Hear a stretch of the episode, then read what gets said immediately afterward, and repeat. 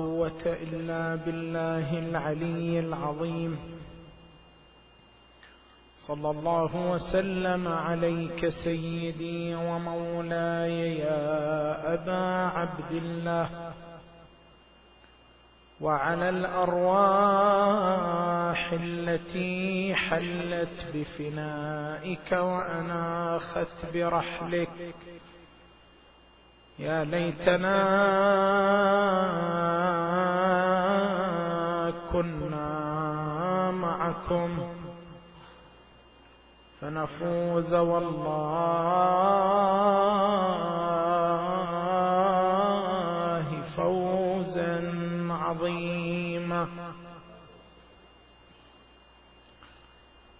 أو بعد ما ابيض القذايا الوشابا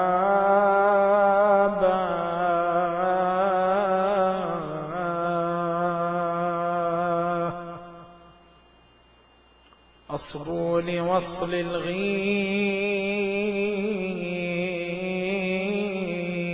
أم أتصاب؟ هبني صبوت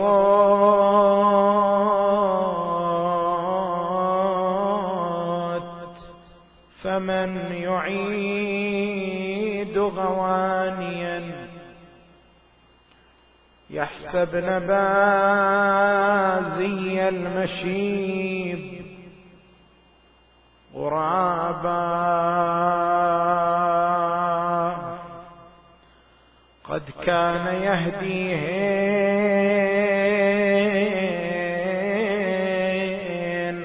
ليل شبيبتي فضللن حين رأين فيه شهابا.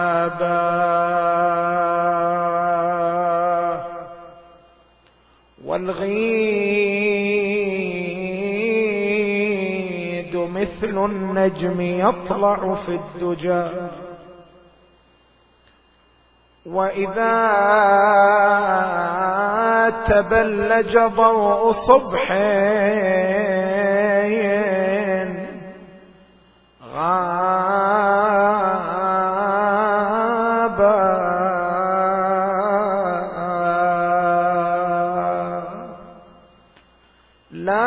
لا يبعدن وإن تغير مألف بالجمع كان يؤلف الأحباب.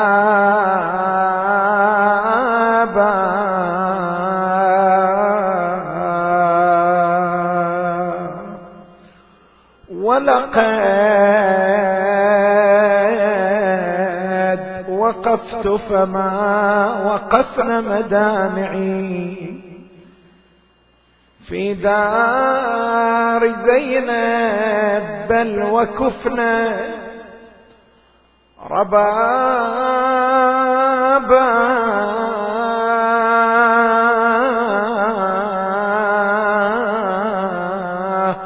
وذكرت حين رأيتها مهجورة فيها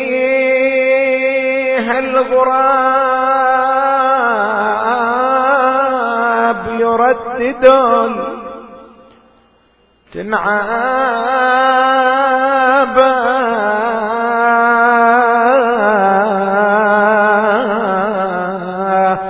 أبيات آل محمد لما سرى عنها ابن فاطمة فعدنا يا بايا. يا يا بايا. با ونحى العرايا يا يا يا بفتية من غالب. كل تراه المدرك الغلايا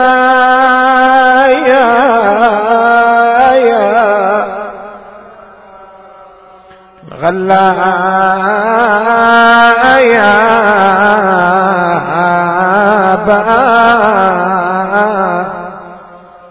الوافد شق الليل ولفه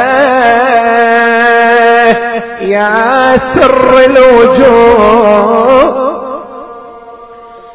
خذني يا أبويا وياك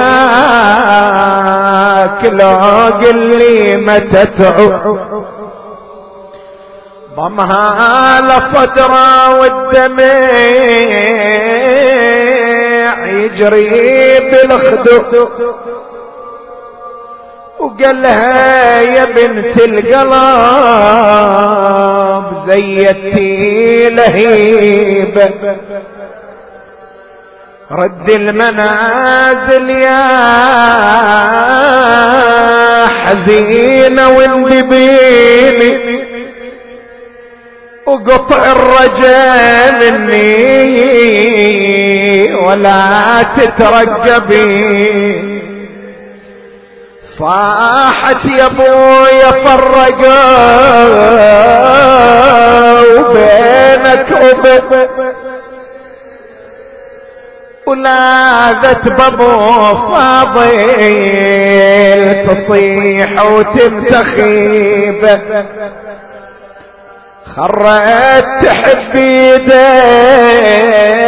ايديه وراسه صعب المراه تقول له يا عمي فراق أبويا يشيب الرأ توسل ابويا حسين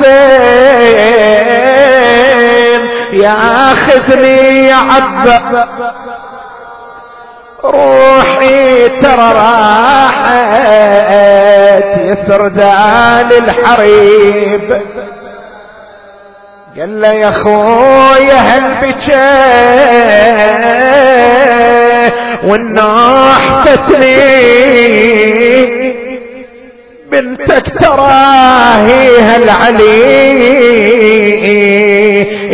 لا ذوبتني. قال له يا أخويا كتبتها. الله قيدتني. ما أقدر أشوف دموعها. خدها سكيبة. هذه ما هي مكتوب. تتودى هدية هذه ما هي مكتوب. تتودى ولاهي يا خويا من سبايا الغا ردي يا بنت وردتك. غصبا عليك. وطلبي من الله يعودنا. لديار طيب. ردت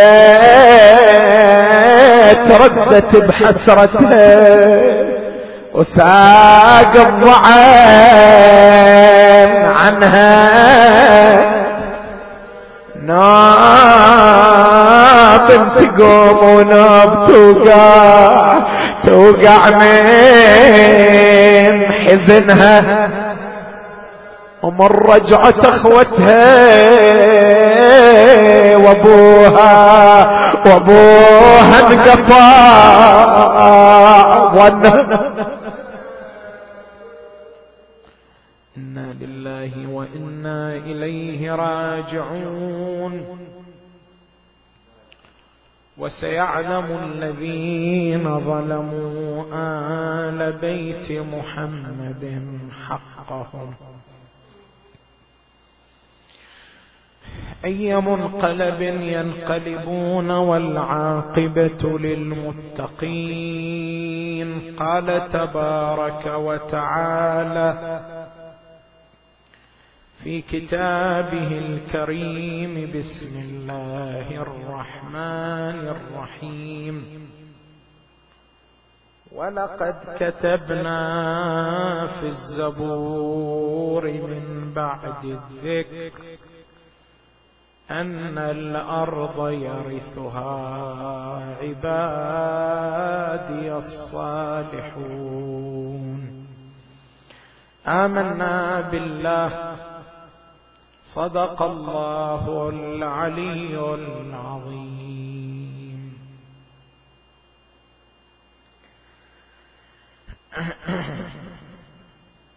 أشرنا فيما سبق إلى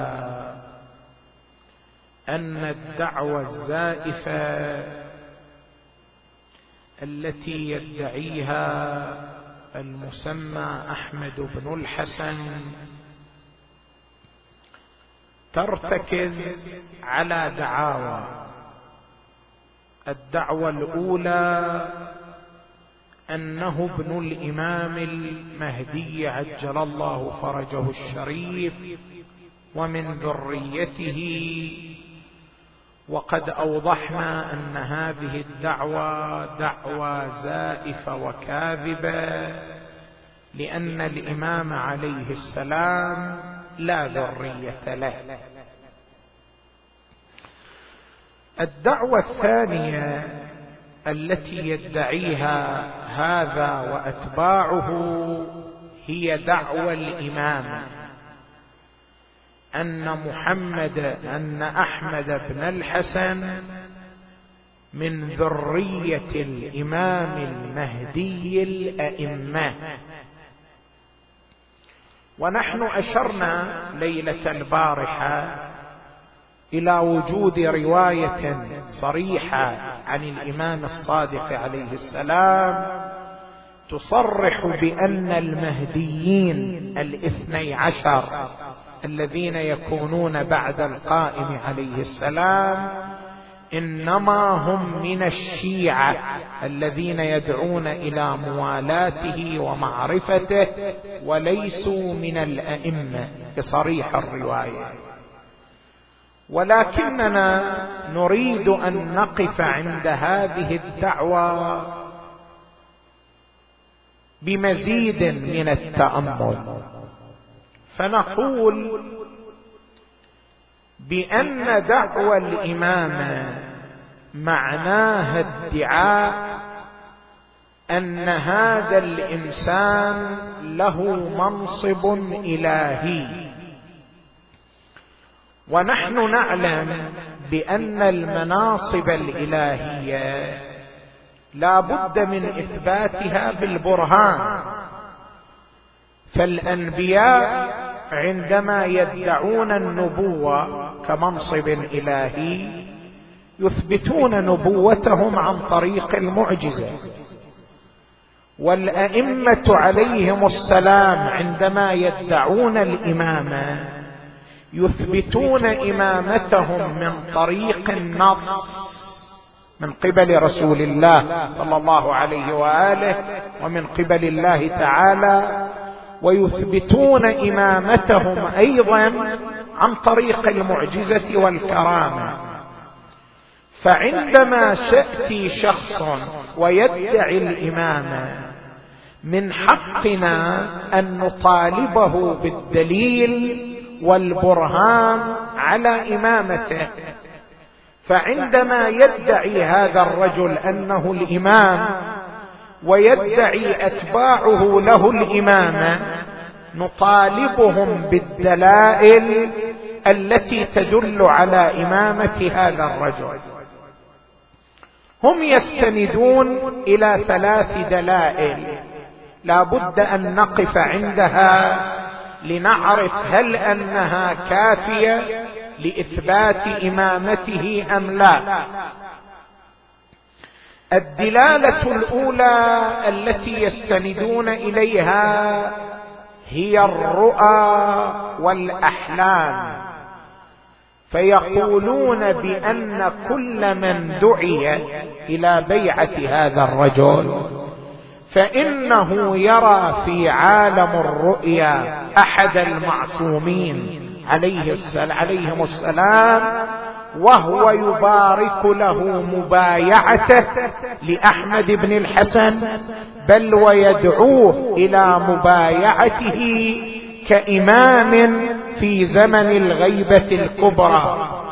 وبما أن رؤيا المعصوم حجة فتكون هذه الرؤى والأحلام دليلا على صحة إمامة هذا الإنسان. لما نريد نبلور هذه الدلالة لا بد اولا أن نؤسس القاعدة العامة التي ترتكز عليها هذه الأبحاث. فنقول بأن المعرفة الدينية أي معرفة كانت المعرفة الدينية لها طريقان. طريق العلم واليقين والذي يعني مطابقة الواقع وإصابة الواقع من غير خطأ ولا اشتباه. وهناك طريق الظن والذي يحتمل عدم مطابقة الواقع ويندرج ضمنه طريق الوهم وطريق الشك فإنها مندرجة ضمن الظن لغتان. فالانسان في مقام الوصول إلى المعرفة الدينية. إما أن يسلك طريق العلم واليقين إما أن يسلك طريق الظن. طريق العلم واليقين يقول الأصوليون حجيته حجية ذاتية. شلون يعني حجية ذاتية؟ يعني ما يحتاج العلم واليقين بالواقع أن تجعل له الحجية. لأن هو بنفسه كاشف عن الواقع. انكشاف تام عن الواقع. لما تقول علمت بأن الله تعالى واحد تيقنت بأن الله تعالى واحد هذا اليقين بنفسه حجة بذاته حجة. ما يحتاج أن يأتي أحد ويجعل له الحجية. لماذا؟ لأنه كشف لك عن الواقع تمام الكشف من غير خطأ من غير اشتباه. طريق العلم طريق اليقين حجة بالحجية الذاتية. طريق الآخر طريق الوهم طريق الظن. طريق الظن بنفسه ليس بحجة. لماذا ليس بحجة؟ لأنه في موارد الظن يمكن أن يكون الإنسان مصيبا للواقع ويمكن أن يكون ماذا؟ مخطئا للواقع. ولذلك يأتي القرآن ويبين بأن الظنون لا حجية لها لأنها لا تكشف عن الواقع كشفا تاما. يقول تبارك وتعالى وإن يتبعون إلا الظن وانهم إلا يخرصون ويقول أيضا وما لهم به من علم إن يتبعون إلا الظن وإن الظن لا يغني من الحق شيئا. الظن لا يغني من الحق شيئا لأنه لا يكشف لك عن الواقع كشفا تاما. أنت تقول والله الآن أنا ما أدري في الركعة الثالثة من الصلاة أجيب التسبيح مرة واحدة أو ثلاث مرات. بحسب الظن أنها واحدة. هذا الظن غير حجة. لا يصح التعويل على الظن لأنه لا يكشف لك عن الواقع المنجز في حقك. يجي واحد يقول والله سئلة أنت تعتقد بأن الأئمة معصومون عليهم السلام أم لا؟ يقول لك والله أغلب الظن يعني كونهم مؤمنين وكذا مميزين. أغلب الظن أنهم معصومون. لا هنا الظن لا يعول عليه. الظن ليس بحجة. لا بد من اليقين والعلم. فاليقين والعلم حجيته ذاتية. بينما الظن الأصل فيه عدم الحجية إلا أن يجعل له الشارع الحجية. إذا جعل الشارع الحجية للظن صار الظن حجة وإلا فلا حجية له. شلون؟ يعني الآن لو جاءني إنسان وقال الفراش الكذائي نجس الثوب الكذائي طاهر. هذا إخباره إخبار ظني لو إخبار يقيني. إخبار ظني؟ احتمال أنه اشتبه احتمال أنه غفل احتمال أنه التبس عليه الأمر. صحيح هو ثقة لا يكذب لا يتعمد الكذب لكن يحتمل فيه الغفلة يحتمل فيه اشتباه. وبالتالي فإن إخباره لا نجزم بمطابقته للواقع. إذا هو إخبار ظني. لكن هذا الإخبار الظني سوغ لنا الشارع العمل به. فقال يجوز الأخذ بخبر الثقة وإن كان إخباره ظنيا. لما يجون اثنين شهود يقولان رأينا الهلال. ذول إخبارهم وشهادتهما بالرؤية شهادة ظنية أم شهادة قطعية يقينية؟ شهادة ظنية. لأنهما يحتمل أن الأمر التبس عليهما احتمل أن الأمر اشتبه عليهما لكن الشارع يقول شهادتهما حجة. هذا الظن أنا جعلته حجة. اذا الأصل الظنون عدم الحجية إلا أن يجعل الشارع الحجية لشيء من الظن أو لنوع من الظن. هذه القاعدة العامه قاعدة أساسية أن كل علم ويقين حجة وكل ظن ليس بحجة إلا أن يدل الدليل على حجيته. إذا فهمنا هذه القاعدة نجي نقول الأحلام والرؤى هل هي أمور ظنية أم هي أمور علمية؟ يعني اللي يشوف رؤيا في عالم النوم هل هذه الرؤيا مطابقة للواقع جزما؟ ودائما تصيب الواقع ولا تخطئ الواقع. أم أنها قد تصيبه وقد تخطئه؟ قد تصيبه وقد تخطئه. اذا الرؤيا والأحلام أمور ظنية وليست أمورا يقينية. فإذا كانت أمورا ظنية فالأصل فيها هو ماذا؟ عدم الحجية. لا يصح الاحتجاج برؤيا رآها راء في عالم النوم لأن الرؤيا من الظن والأصل في الظن عدم الحجية.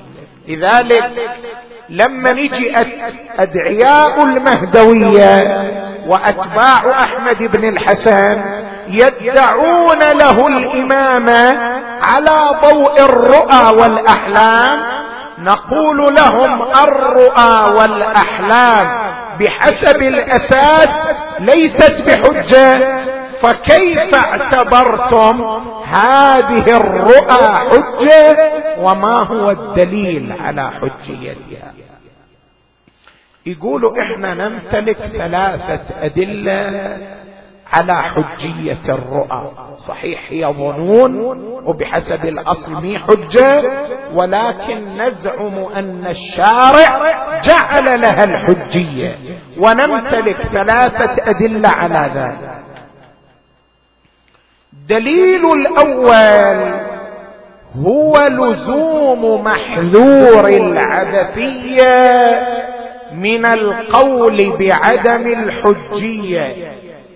شلون ذولا يقولوا بأن الأحلام والرؤى من الذي أوجدها عند الإنسان؟ أوجدها الله سبحانه وتعالى عند الإنسان.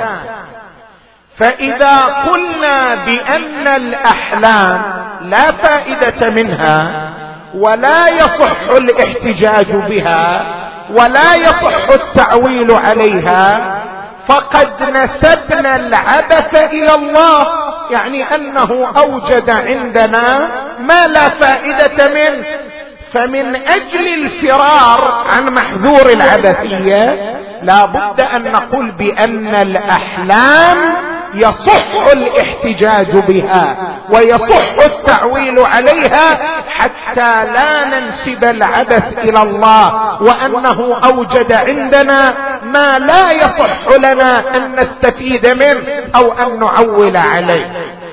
فهذا برهان على حجية الرؤى والأحلام. نحن نقول هذا الدليل الأول دليل مزين. لماذا؟ اولا وثانيا. أما اولا فلأننا لا نسلم بأن كل الأحلام والرؤى من الله. هذا الدليل مبني على هذه المقدمة أن الأحلام والرؤى من الله. إحنا نقول هذا غير مسلم. أحلام والرؤى ليست كلها من الله. ورد في الرواية عن النبي الأعظم محمد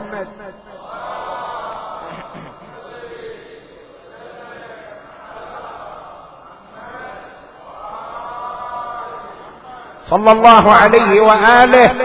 قال الرؤيا ثلاثة. بشارة من الله. واحد. وتحزين من الشيطان. اثنين. وما يحدث به الإنسان نفسه فإنه يراه في منامه. يعني الرؤى والأحلام لها مصادر ثلاثة. مصدر الأول هو الله مصدر الثاني هو الشيطان المصدر الثالث الخيالات النفسية نفس الإنسان. إذا حدث نفسه بشيء معين فإنه يراه في عالم الرؤيا اذا ليست كل الأحلام من الله بل بعضها من الله. وبعضها من الشيطان وبعضها من الإنسان نفسه. فالمقدمة التي بني عليها الدليل غير مسلمة. هذا اولا ثانيا لو سلمنا تنزلا بأن الأحلام بتمامها من الله سبحانه وتعالى إلا أن ذلك لا يثبت صحة الاحتجاج بها. ليش لا يثبت صحة الاحتجاج بها؟ لأنه إنما يثبت صحة الاحتجاج بها لو لم تكن لها ثمرة إلا صحة الاحتجاج.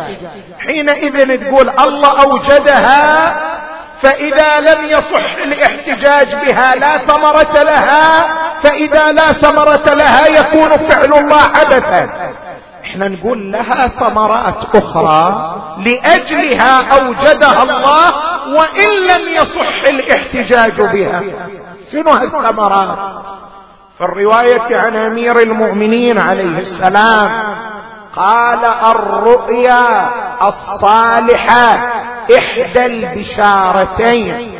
الرؤيا من ثمراتها أنها تبشر الإنسان أحيانا ببعض ما يصلح به حاله أو ببعض العطاءات الإلهية في المستقبل. وهذا يحصل لكثير من الناس.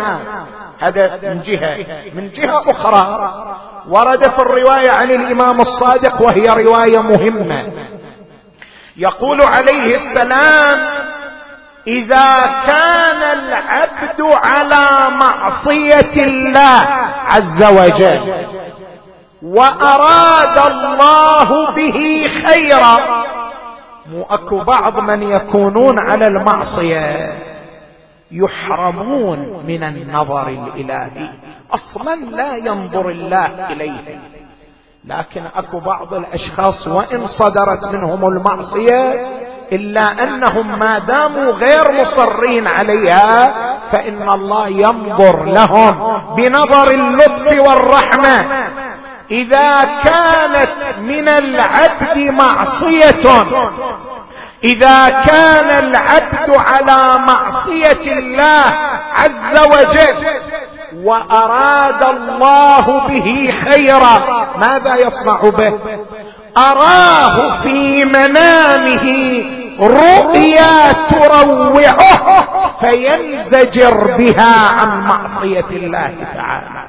بعض الأحلام المخيفة التي يراها الإنسان هي من باب اللطف الإلهي بالانسان من أجل زجره عن المعصية. إذا رأى رؤيا تخيفه تفزعه ينزجر عن المعصية وعن التمرد على الله سبحانه وتعالى. اذا الرؤيا لها ثمرات. من ثمراتها تبشير المؤمن ومن ثمراتها تحذير المؤمن وبذلك يكون وجودها وجودا هادفا وإن لم يصح الاحتجاج بها. اذا لا ملازمة بين عدم صحة الاحتجاج وبين محذور العبثية. نقول بأن الله أوجد الأحلام والرؤى. نسلم بذلك إلا أنه لا يلزم من القول بعدم حجيتها نسبة محذور العبث إلى الله لترتب ثمرات أخرى عليها. اذا الدليل الأول الذي استدل به هؤلاء وهو لزوم محذور العبثية هذا الدليل مزيف ولا قيمة له. إلى الدليل الثاني.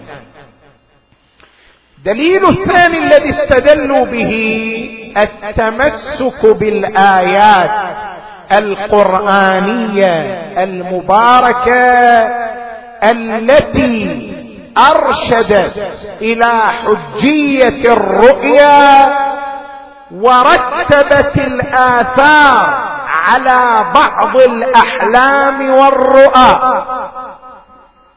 يا بني إني أرى في المنام أني اذبحك فانظر ماذا ترى.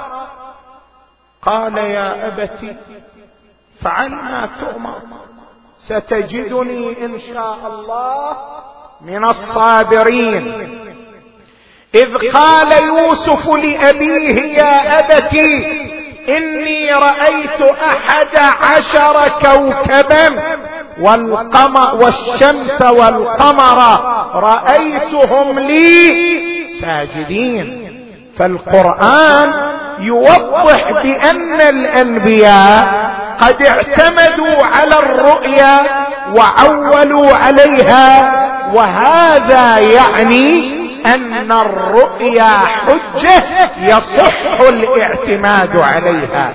فلما نقول إحنا نثبت إمامة أحمد بن الحسن عن طريق رؤيا المعصوم لأن الرؤيا قد عول عليها الأنبياء فكيف لا نعول عليها نحن؟ هذا الدليل أيضا مزين. لماذا؟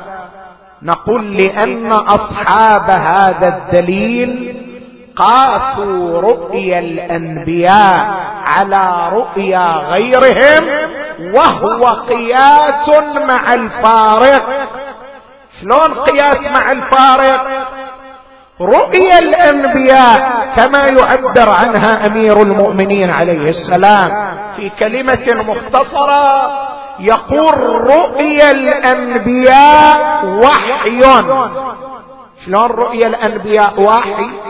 إحنا نعلم بأن النبي ينزل عليه الوحي بعدة طرق تارة عن طريق الملك تارة عن طريق الخطاب المباشر تارة يخلق الله له الكلام في شجرة أو في غيرها وتارة ينزل عليه الوحي من طريق الرؤيا رؤيا الأنبياء وحي.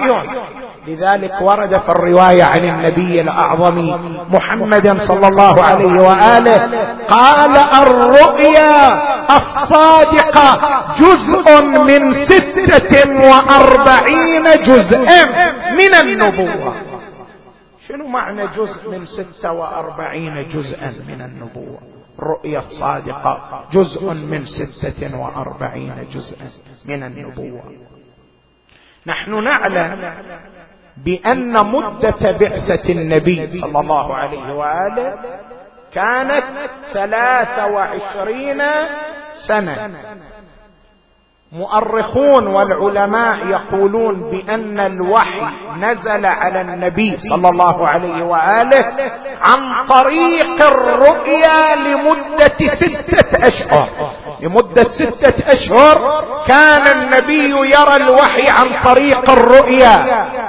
زين هذه ستة أشهر تصير نصف سنة. تمام؟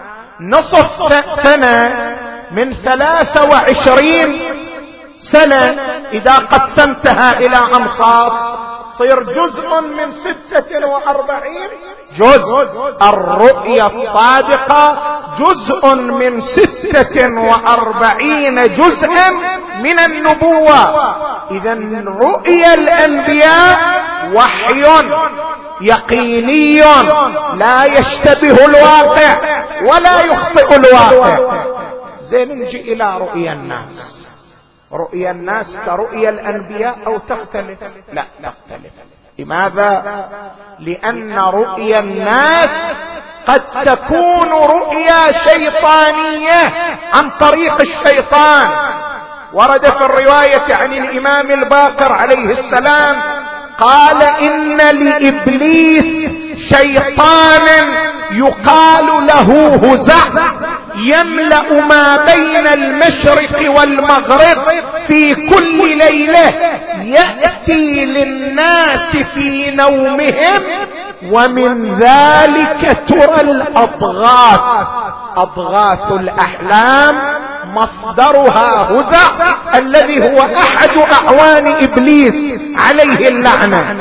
شوف كثير من الرؤى التي يروها الناس ويفزعون لها هي رؤى عن طريق اتصال الشياطين بروح الإنسان عندما ينام فيصورون له مجموعة من الصور والخيالات من أجل إيذائه من أجل إخافته. فرؤيا الإنسان قد تكون من الشيطان بل تشير الروايات إلى أن أغلب رؤى الناس رؤى شيطان. ورد في الرواية عن الإمام الصادق لذكره وآبائه وأبنائه الصلوات.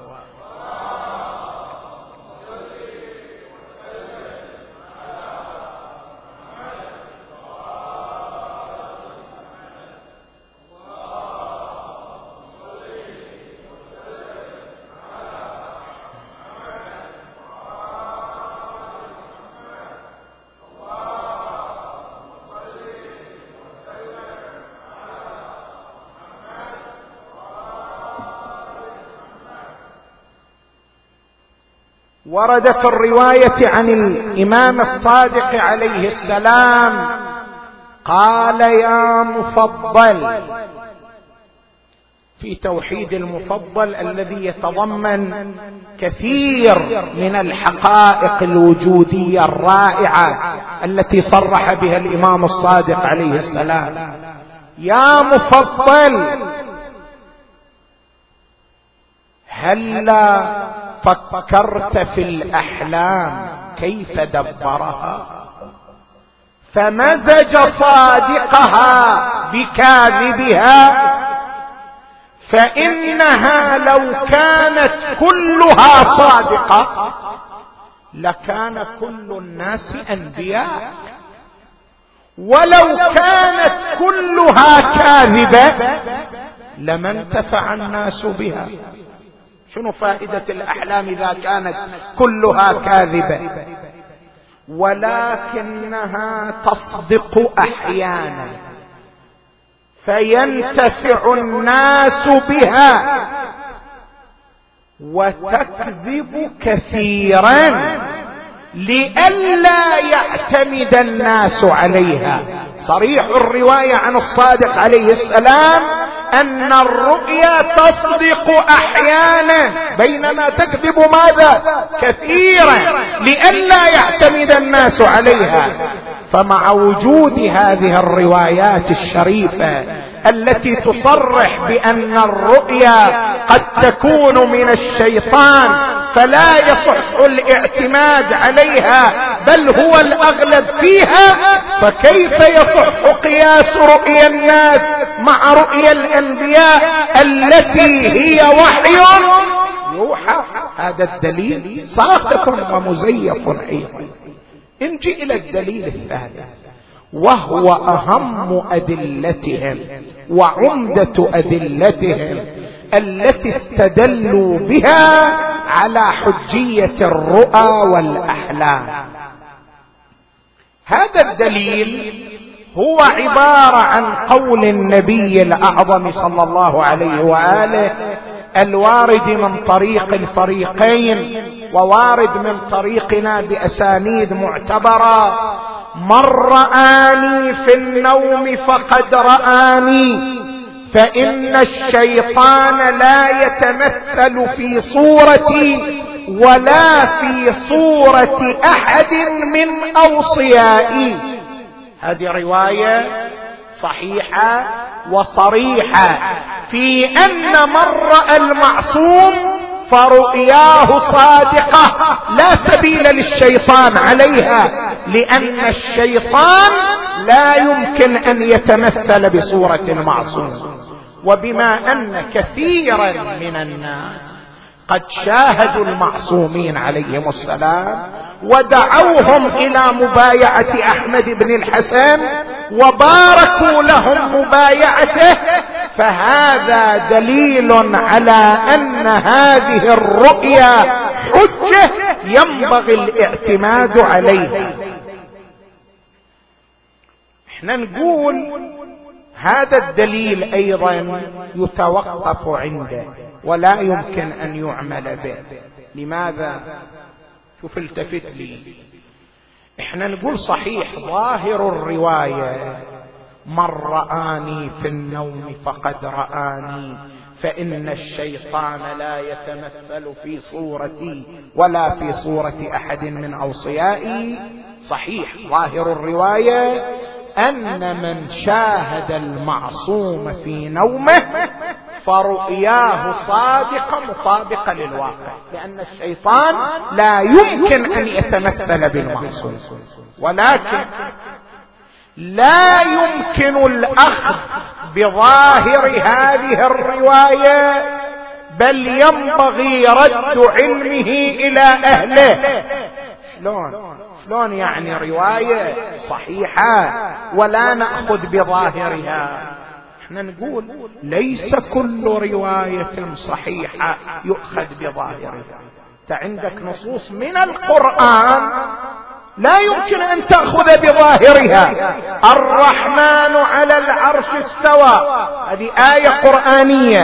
لا يمكن لأحد أن يشكك فيها. لكن هل يمكن الأخذ بظاهرها؟ لا يمكن. لا يمكن لمسلم أن يقول بأن الله سبحانه وتعالى يجلس على عرش كما يجلس غيره من المخلوقات. هذا ظاهر النص القرآني لكن لا يمكن الأخذ به وإن كان مقطوع الصدور عن الشارع.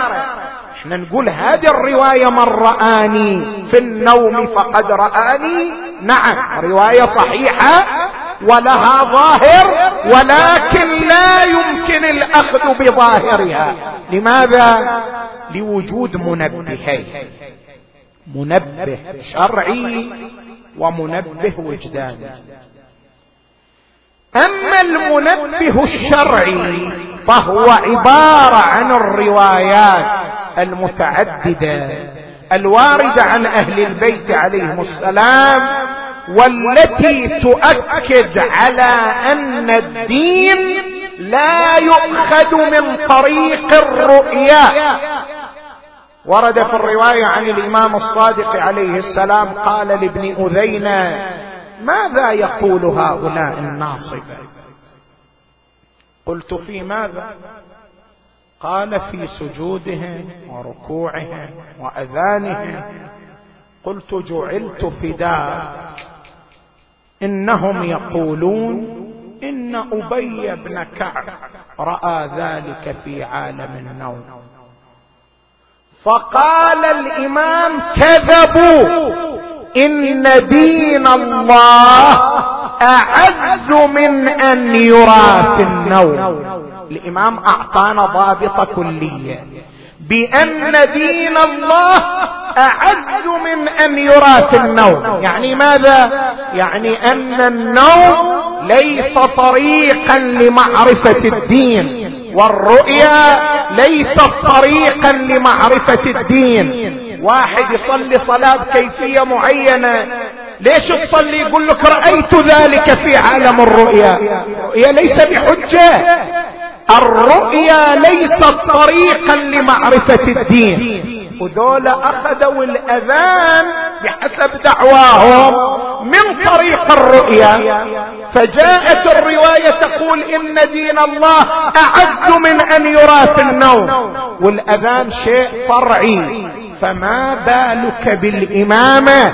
كيف يصح لعاقل أن يأخذها من طريق الرؤيا؟ إذا كانوا أهل البيت قد نهوا عن أخذ حكم فرعي من طريق الرؤيا. فكيف يجوز لعاقل قد أنصف نفسه أن يأخذ الإمامة من طريق الرؤيا؟ هذا ممتنع. هذا منبه شرعي على أن المراد من ظاهر من رآني في النوم فقد رآني ليس هو مراد الشارع بل مراده شيء آخر. المنبه الثاني هو المنبه الوجداني. مقصود من المنبه الوجداني ماذا؟ تعارض الرؤى وتناقضها مع وحدة المرئي شلون تعارض الرؤى وتناقضها مع وحدة المرئي نجي الآن إلى القضية التي نحن بصددها. قضية أحمد بن الحسن. هذا الرجل يدعي أتباعه ويدعي هو أن جماعة من الناس قد راوا المعصومين عليهم السلام يباركون إمامته ويدعون إلى بيعته. زين. هذه الرؤية بمقتضى من رآني. فقد رآني رؤيا ماذا؟ صادقة على طبق ما يقولون. نجي إلى شريحة أخرى من الناس من الثقات أيضا يقولون نحن شاهدنا المعصومين. وحذرونا من بيعته بل أن بعضهم كشف لهم المعصوم عن حقيقة أحمد بن الحسن فوجدوه على هيئة قرد من القرد. هذه رؤيه صادقة أيضا. بمقتضى من رآني فقد رآني. فإذا أخذنا بظاهر الحديث فمقتضى ظاهر الحديث هو الأخذ بالمتعارضين بالرؤيتين المتقابلتين إذ المرئي فيهما واحد ولازم ذلك الأخذ بالمتنافيين. يعني الشارع يدعونا إلى الأخذ بالمتناقضين إلى الأخذ بالمتنافيين ولا يمكن أن يصدر من الشارع ذلك. وهذا منبه على أن المراد من هذه الأحاديث ليس هو الظاهر منها وإنما علمها يرد إلى أهلها. شنو المقصود من هذا؟ من رآني فقد رآني ظاهره لا يمكن الأخذ به لوجود منبهين. منبه شرعي منبه وجداني فيرد علم ذلك إلى أهله وتبقى الرؤيا عارية عن الحجية. لذلك المرحوم السيد الخوئي عليه الرحمن لما سئل هذا السؤال لو أن إنسانا رأى في عالم الرؤيا أحد المعصومين يأمره بامر إحنا ابتلينا مدة من الزمان. هذه شافت الزهراء عليها السلام وقالت لها تكتبي ورقه وهذه الورقة توزعيها على عشرة بيوت. واللي توصل الورقة وما ينسخ عشر مرات فصلوا من عمله. وإذا ما يفصلوا من عمله يموت واحد من اولاده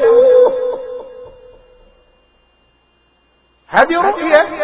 يدعي صاحبها أنه رأى المعصوم. فهل هذه الرؤيا حجة؟ إذا أمره المعصوم بأمر في الرؤيا سيد الخوئي يجيب. يقول لم تثبت الحجية لنفس الرؤيا ولا للأمر فيها. الرؤى والأحلام مجرد ظنون مجرد أوهام. لا حجية لها فهنيئا لمن يبني عقيدته في الإمامة. على رؤيا رآها في الرؤيا سيما ويحتمل أنها تكون من الشيطان أيضا. وهذا وزع شغال في كل ليلة يدور على الناس في المشرق والمغرب فهنيئا لمن بنى عقيدته على رؤيا يراها في عالم النوم. اذا الرؤيا ليست دليلا. نعم الرؤيا قد تكون صادقة أحيانا. وتطابق الواقع بل كأنها الواقع. كأنها الواقع. تقول لأبيها أبا لقد رأيت نفسي في جنة زاهية ومن حولي أنهار جارية وأمامي أشجار عالية.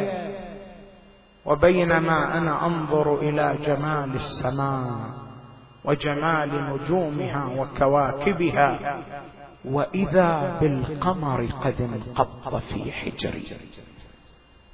تعجبت. شلون القمر وقع من السماء في حجري؟ وإذا بثلاثة من النجوم قد تبعت القمر وسقطت في حجري وانضمت إلى القمر قال لها بني أبشر فهذا سيف الله الغالب.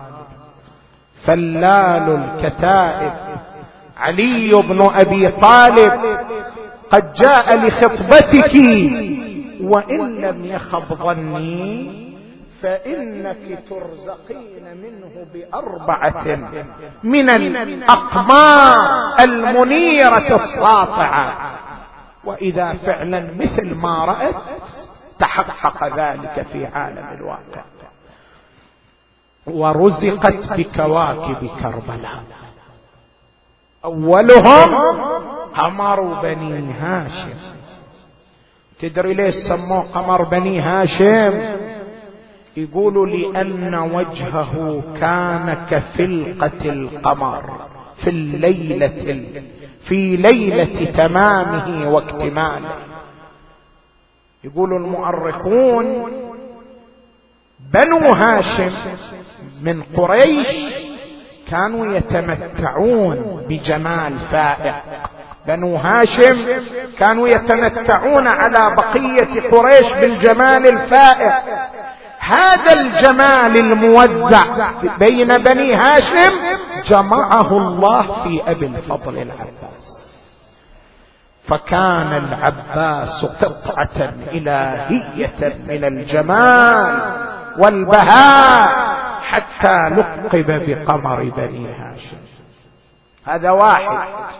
وثلاثة نجوم إلى جانبه لكن ذوله الكواكب الأربعة التي الذين رزقت بهم أم البنين غيبتهم أرض كربلاء. كلهم غابوا في أرض كربلاء. ثم طلعوا من سمائها ليشعوا على العالم كله إلى يوم الناس هذا وإلى يوم القيامة. وإذا قمر العباس قمر ساطع لا يغيبه السحاب. إلى هذا اليوم وإلى يوم القيامة يبقى. قدمتهم أم البنين جميعا فداء للحسين. وأنا والله دائما أقول أقول يا أم البنين لو قدمت ولدا وتركت ثلاثة لكنت مشكورة على ذلك. لو قدمت ولدين وتركت ولدين لكنت مشكورة على ذلك. لو قدمت ثلاث أولاد وتركت لنفسك واحدة لكنت مشكورة على ذلك. لكن أم البنين تقول كل أولادي فداء للحسين. أنا وما أملك وأولادي فداء لابن الزهراء فداء لقرة عين المصطفى. لذلك أم البنين لما رجع بشر بن حذلم إلى المدينة ما سألته عن أحد من أولادها. يقول الروايات بشر ينعى وإذا يشوف امرأة عجوز قد أنهكها المرض تتوكأ على عصاها. معصبه بعصابة سوداء على رأسها. لما شافها قال هذه معلوم صاحبة عزاء. وإلا شي طلع مثل هالمرأة من بيتها ويجيبها إلى هذا التجمع؟ معلوم أن هذه المرأة لها أحد لها أهل في كربلاء. سأل من هذه المرأة؟ قيل هذه أم البنين. هذه زوجة أمير المؤمنين. قال هذه أم العباس قيل بلى. قال هذه لها أربعة أولاد هذه مفجوعة مجروحة بأربعة من الأولاد. شلون أنا أقدم لها العزاء؟ التفت إليها أراد أن يقدم لها الأمر الخبر واحدا واحدا. قال يا أم البنين عظم الله لك الاجر في ولدك عبد الله فلقد قتل في كربلاء. التفتت إليه دموعها تسيل على خديها. قالت يا بش ما جئت أسألك عن اولادي وإنما جئت لأسألك عن حبيبي الحسين. إن شاء الله الحسين سالم صار يعدد عليها أولادها إلى أن قال لها يا أم البنين عظم الله لك الأجر. في ولدك أبي الفضل العباس فلقد طبخوا راسه. بعمد من حديد وقطعوا كفيه وأعموا عينيه ترى يا أم البنين هذا إلى مصيبة مختلفة. تقول الرواية فلما سمعت باسم العباس انهدل كتفها كان هنالك طفلان على كتفها سقط من عليها. التفتت إليه قالت أيها الناعي قطعت نياط قلبي. ما سألتك عن أولادي. أخبرني عن ابن الزهراء. أخبرني عن الحسين. قال اذا يا أم البنين إذا كنت تسألين عن الحسين فخذي حجرين. واضربي على رأسك. فلقد قطع رأس الحسين. ورفعوه على رأس رمح طويل. وجالت على صدره خيول الأعوجية. فنادت أم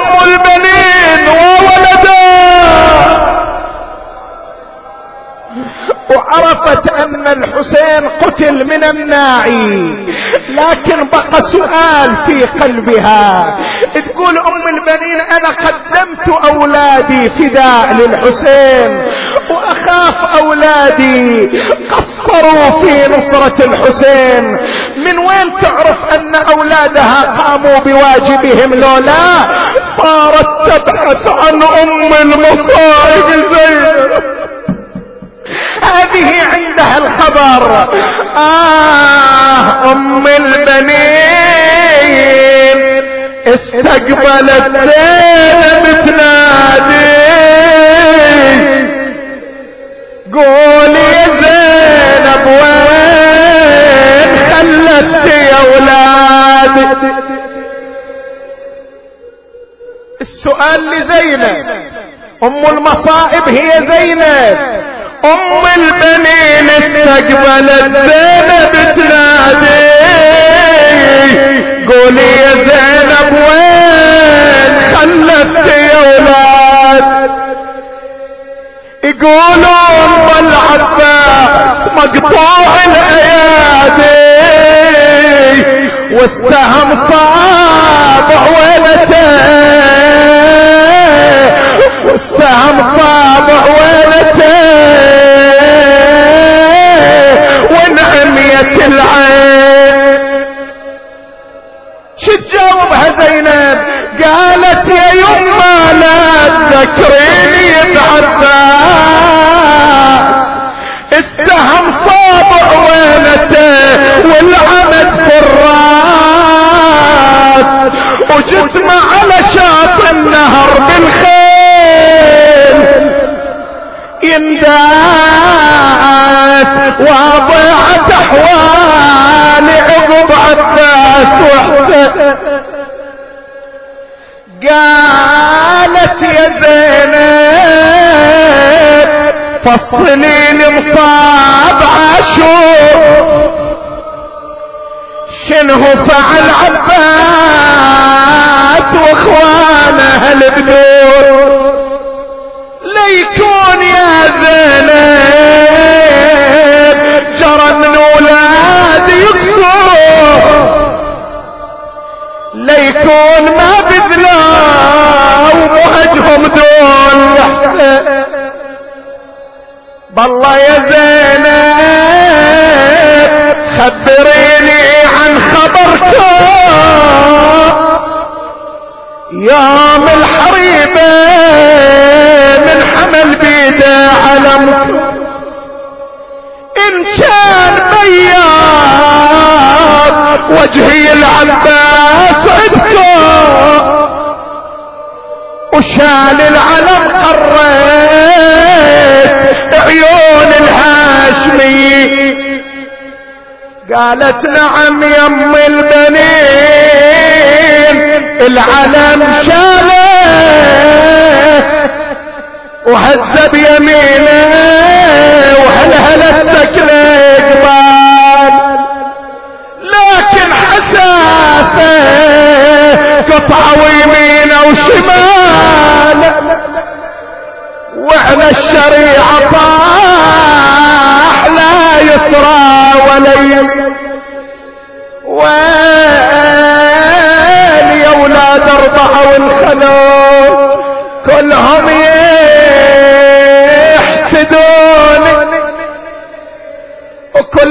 الخلق يم البنين